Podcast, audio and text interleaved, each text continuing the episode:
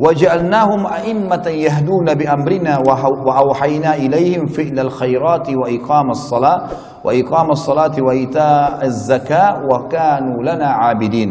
Dan kami jadikan juga mereka ini keturunannya Ibrahim.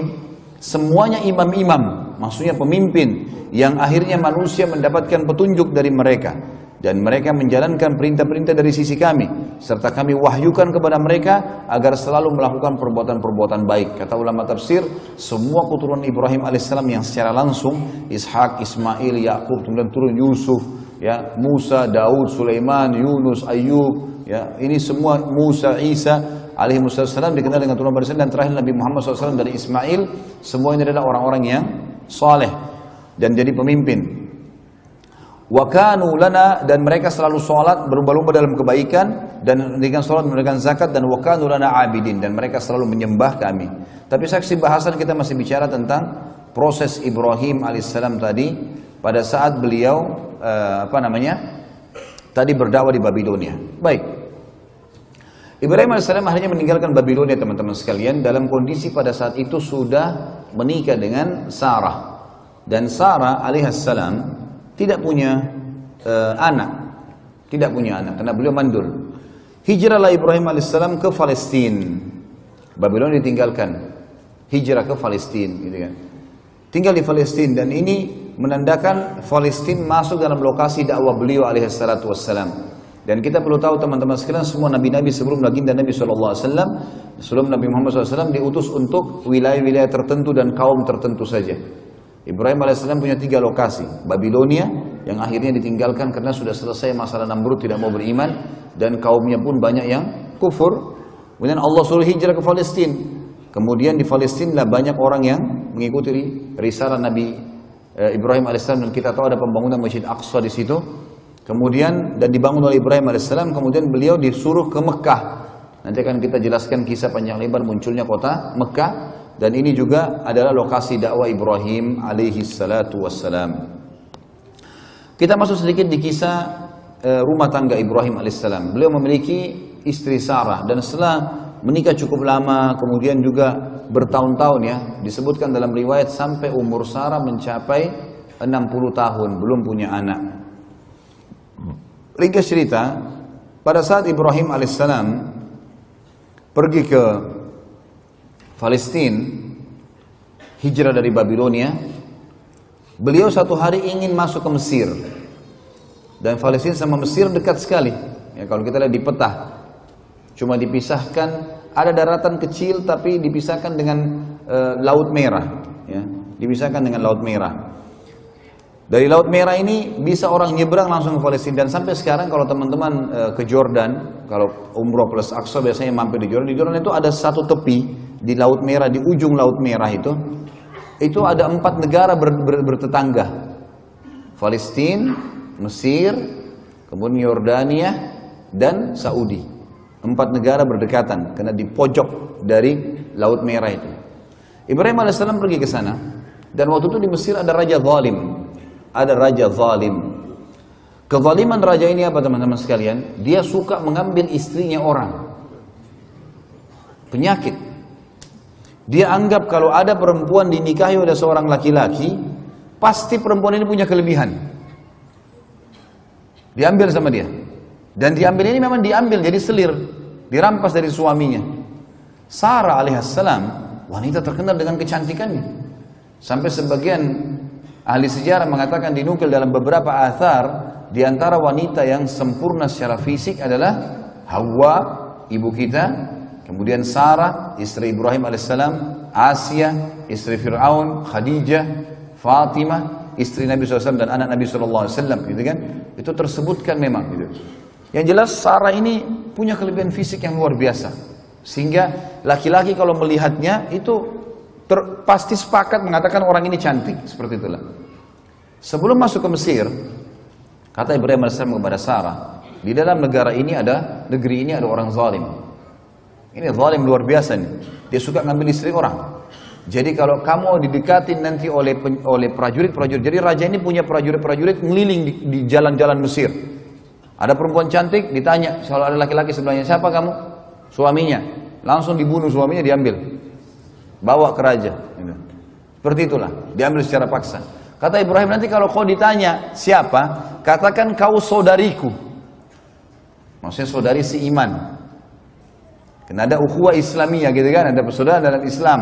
Islam ini agama yang satu dari dari dari Adam alaihissalam sampai Nabi Muhammad alaihissalam semua agama satu Islam, tidak ada agama lain. Cuma ada pembaharuan syariat. Makanya kata Nabi SAW, saya dan semua nabi-nabi seperti orang yang satu induk. Satu induk. Sama, cuma perbedaan hukum halal haramnya yang berbeda. Tidak boleh dipungkiri salah satunya. Kalau kita sekarang ada yang mengatakan Musa bukan nabi, kafir. Atau Isa bukan nabi, kafir. Nggak boleh. Semua harus kita yakini. La nufarriku baina ahadin min rusuli. Kita tidak beda-bedakan di antara para nabi-nabi dan rasul, tapi risalah yang diterapkan adalah hukum yang diterapkan adalah yang dibawa oleh nabi terakhir alaihi salatu wassalam Nabi Muhammad sallallahu alaihi wasallam. Yang jelas teman-teman sekalian, kata Sarah baiklah. Begitu masuk di Mesir, dengan hikmah Allah, ternyata orang Mesir, eh, prajurit Mesir Raja Salim ini lihat Sarah. Begitu dia langsung didatangin. Pertanyaan pertama ditanya, siapa kamu? Ibrahim mengatakan saya saudaranya. Tanya Sarah siapa kamu? Saya saudarinya. Tapi karena cantiknya Sarah, dia nggak peduli lagi. Mau suami, mau bukan, pokoknya ambil. Tangkap nih orang. Ini yang disuka sama raja nih. Dibawa. Ibrahim alaihissalam tidak boleh ikut, ditahan. Bawalah Sarah alaihissalam masuk ke istana raja. Begitu lihat rajanya langsung nafsu mau mendekati. Sarah alaihissalam berdoa kepada Allah, Ya Allah, ambil ahli orang ini. Gitu. Jangan sampai coreng kehormatan. Karena ini raja, gak ada yang bisa lawan dia. Kecuali dengan kuasa ilahi. Tiba-tiba tangan kanannya raja ini stroke. Gak bisa bergerak. Waktu dia mau jama, gak bisa bergerak tangannya. Kata raja itu, apa yang kau lakukan dengan saya? Kata Sarah, saya berdoa pada Tuhan saya untuk menyelamatkan dari keburukanmu. Dia bilang, kalau gitu berdoa sama Tuhanmu, minta supaya saya disembuhin. Saya tidak akan ganggu kamu. Sarah alaihissalam berdoa, Ya Allah, sembuhkan orang ini. Sembuh tiba-tiba tangannya. Tadinya nggak bisa bergerak. Dia sudah mau jama berhenti, kayak matung tangannya gitu. Tiba-tiba sembuh. Dia nggak percaya nih. Dia kan tidak beriman sama Allah. Ini penyembah patung ini, orang ini. Kayaknya mungkin ini sihir kali, mainan. Dia mau jama lagi. Sarah alaihissalam yang kedua berdoa. Dua-dua tangannya stroke. Raja itu. Tidak bisa bergerak. Dia bilang, apa yang kau lakukan? Kata Sarah, saya berdoa sama Tuhan saya. Kalau supaya diselamatkan dari keburukanmu, saya sudah bersuami dan ini tidak boleh. Dalam agama kami tidak boleh. Baik, minta sama Tuhanmu agar saya disembuhin. Tangannya dua-dua diam, nggak bisa, kaku. Sembuhin saya tidak akan ganggu kamu. Sarah alaihissalam depan dia berdoa, Ya Allah, sembuhkan orang ini. Sembuh tiba-tiba tangannya. Ternyata masih belum puas nih. Mau lagi jama Sarah. Sarah alaihissalam berdoa yang ketiga kali. Tiba-tiba struk semua badannya kecuali mukanya. Semua nggak bisa bergerak. Takut sekujur tubuhnya gitu kan. Lalu dia sudah tahu. Dia bilang, mintalah sama Tuhanmu supaya saya disembuhkan dan saya tidak akan ganggu kamu serta semua ini, semua ini, penasihat saya, dayang-dayang saya semua jadi saksi. Saya tidak akan ganggu kamu. Kata Sarah baiklah. Ya Allah sembuhin dia. Sembuh tiba-tiba. Apa kata raja ini dengan ketakutan? Keluarkan perempuan ini dari istana saya karena yang kalian bawa jin bukan manusia.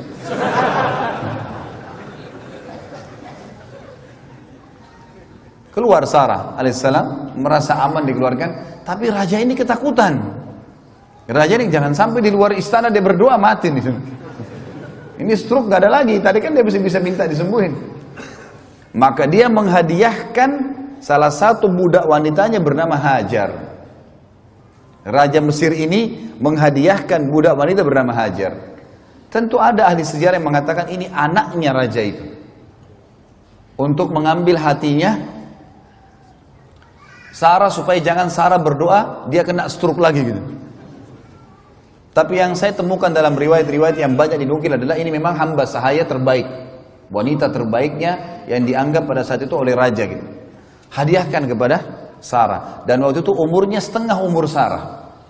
Umur Hajar alaihis alaih alaihassalam dan dan e, madunya nanti tentunya adalah Sarah alaihassalam ini setengah umur. Kalau saya tidak salah pada saat itu umur Ibrahim alaihissalam sudah sekitar 40 tahun tentunya, ya. Kemudian umur uh, waktu dinobatkan jadi nabi uh, waktu tadi dinobatkan jadi nabi Babilonia kemudian cuma dalam beberapa tahun berdakwah kemudian keluar ke Palestina. Jadi umur Sarah juga sekitar 30 tahun sekian, umurnya Hajar setengahnya.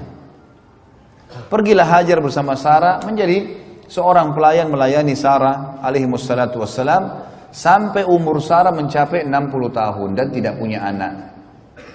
Berarti umurnya Hajar sekarang 30 tahunan, setengah. Maka Ibrahim alaihissalam pengen punya anak. Pengen punya anak, sekarang Nabi berharap bisa punya anak. Maka Sarah, Sarah karena melihat suaminya begitu, dia pun akhirnya menghibahkan Hajar untuk Ibrahim alaihissalam. Karena Ibrahim alaihissalam dibebaskan dari keterbudakan lalu dinikahi dalam satu tahun punya anak namanya Ismail. Lahir dari Sarah ini. Gitu kan. Maaf dari Hajar. Makanya waktu Amr bin As radhiyallahu anhu di tahun 20 Hijriah di zaman khilafah Umar bin Khattab mau masuk ke Mesir.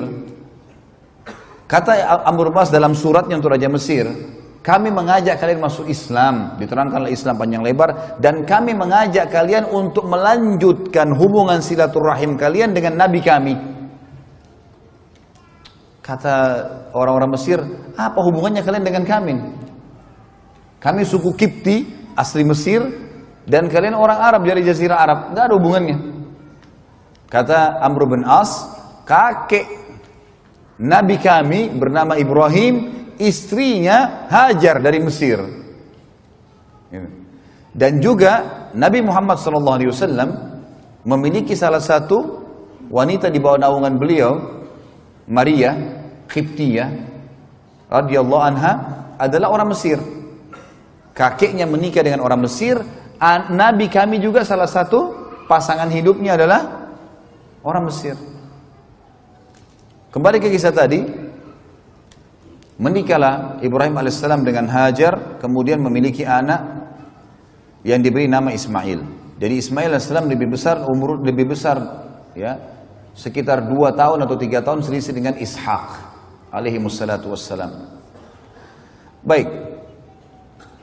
Berjalan waktu, Sarah alaihissalam wanita, dia lihat Hajar bisa memberikan anak untuk suaminya, dia juga ingin punya anak. Tapi umurnya sudah 60 tahun. Berdoa kepada Allah. Ya Allah mudahinlah anak untuk Ibrahim dari saya.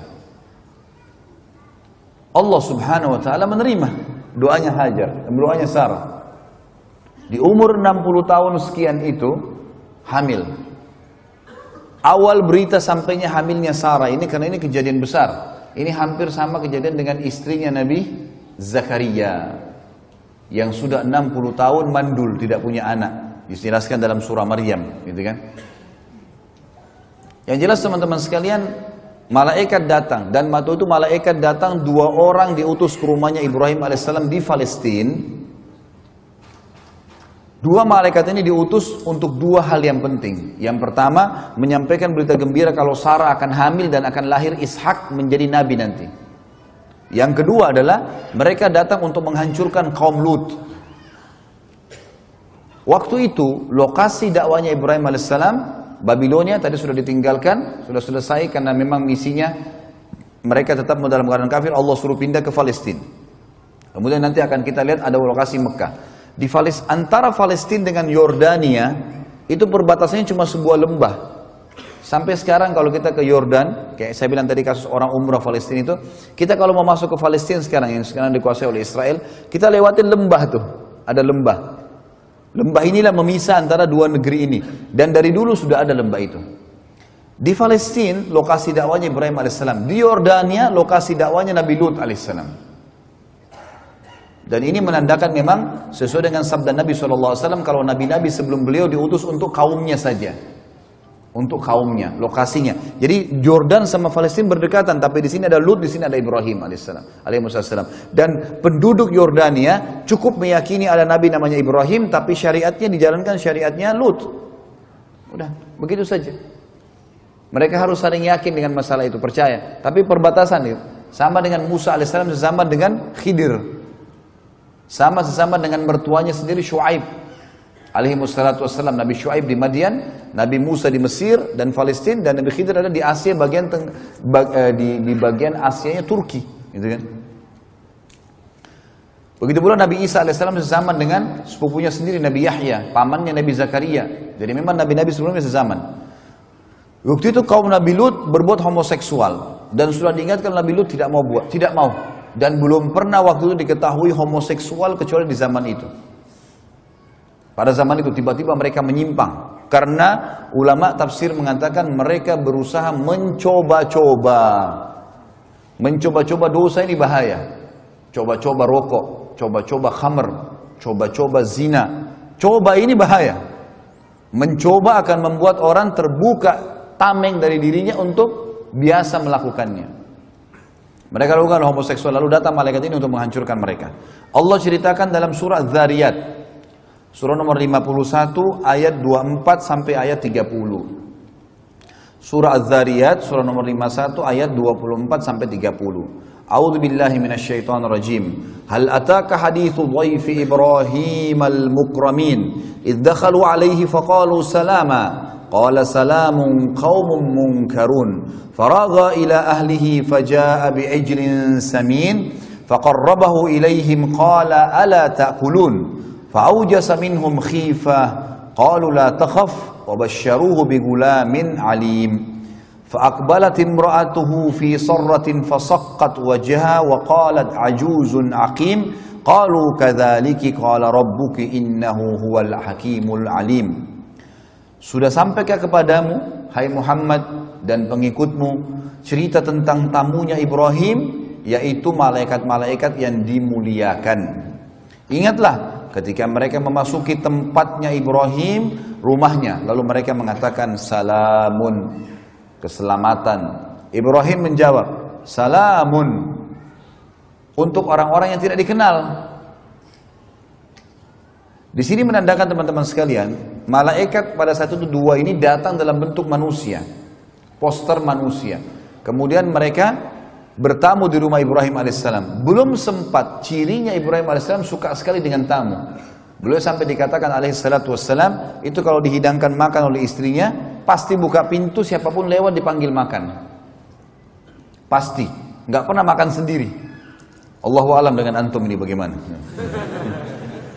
Selalu makan sama orang lain, nggak pernah sendiri. Maka waktu datang malaikat ini bilang salamun alaikum kita assalamualaikum gitu kan. Enggak pakai nanya. Ibrahim alaihissalam cuma mengatakan Waalaikumsalam untuk orang-orang yang asing, tidak dikenal. Lalu apa yang terjadi kata Allah? Maka dia pun tiba-tiba Ibrahim pergi diam-diam menemui keluarganya di dalam, disuruh tamunya duduk. Dia tidak tanya nih kalian siapa, segala nggak ditanya. Ini ciri orang beriman, nggak pakai nanya. Kalau kita dari depan pagar masih tanya, siapa, mau apa? Orang suruh masuk dulu, kasih minum, kasih makan. Kalau dia tidak jelaskan apa tujuannya, nggak usah. Dia jelaskan baru sampaikan itu adab menjamu tamu. Wajibkan dalam Islam. Kata Nabi SAW, siapa yang mengaku beriman pada Allah dan akhir, dia harus menghormati tamunya. Menghormati kata ulama adalah mengikramnya dengan cara mempersilahkan masuk, menghidangkan makan dan minum, bertersenyum di wajahnya tanpa bertanya. Nanti kalau dia jelaskan, maaf ya saya datang karena ini, baru kita jawab. Harus begitu. Ibrahim alaihissalam menjamu begitu. Masuk langsung ke keluarganya dan apa yang dia lakukan? Dia pun akhirnya menyembeli anak sapi gemuk. Ibrahim alaihissalam langsung menyembeli, langsung suruh istrinya masak.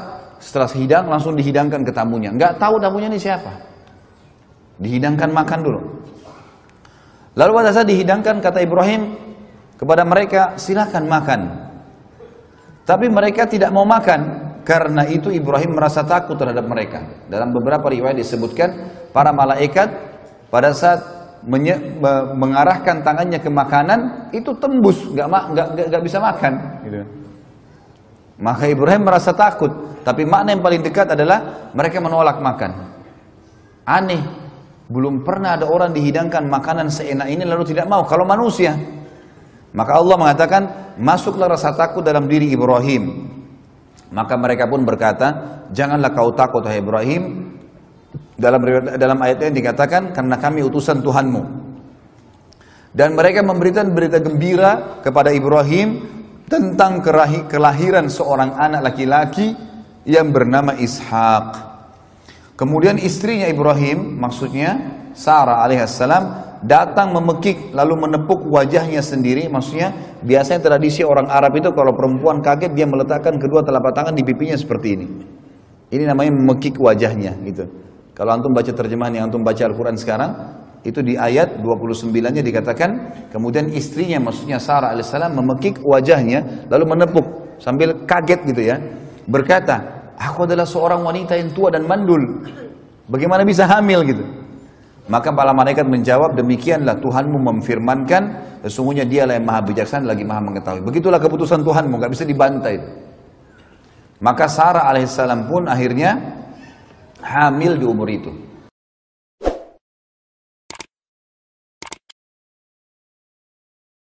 Assalamualaikum untuk pemesanan paket umroh murah bisa menghubungi 0821 4196 0857 Kami ulangi sekali lagi untuk pemesanan paket umroh murah bisa menghubungi 0821 4196 0857 Sekali lagi 0821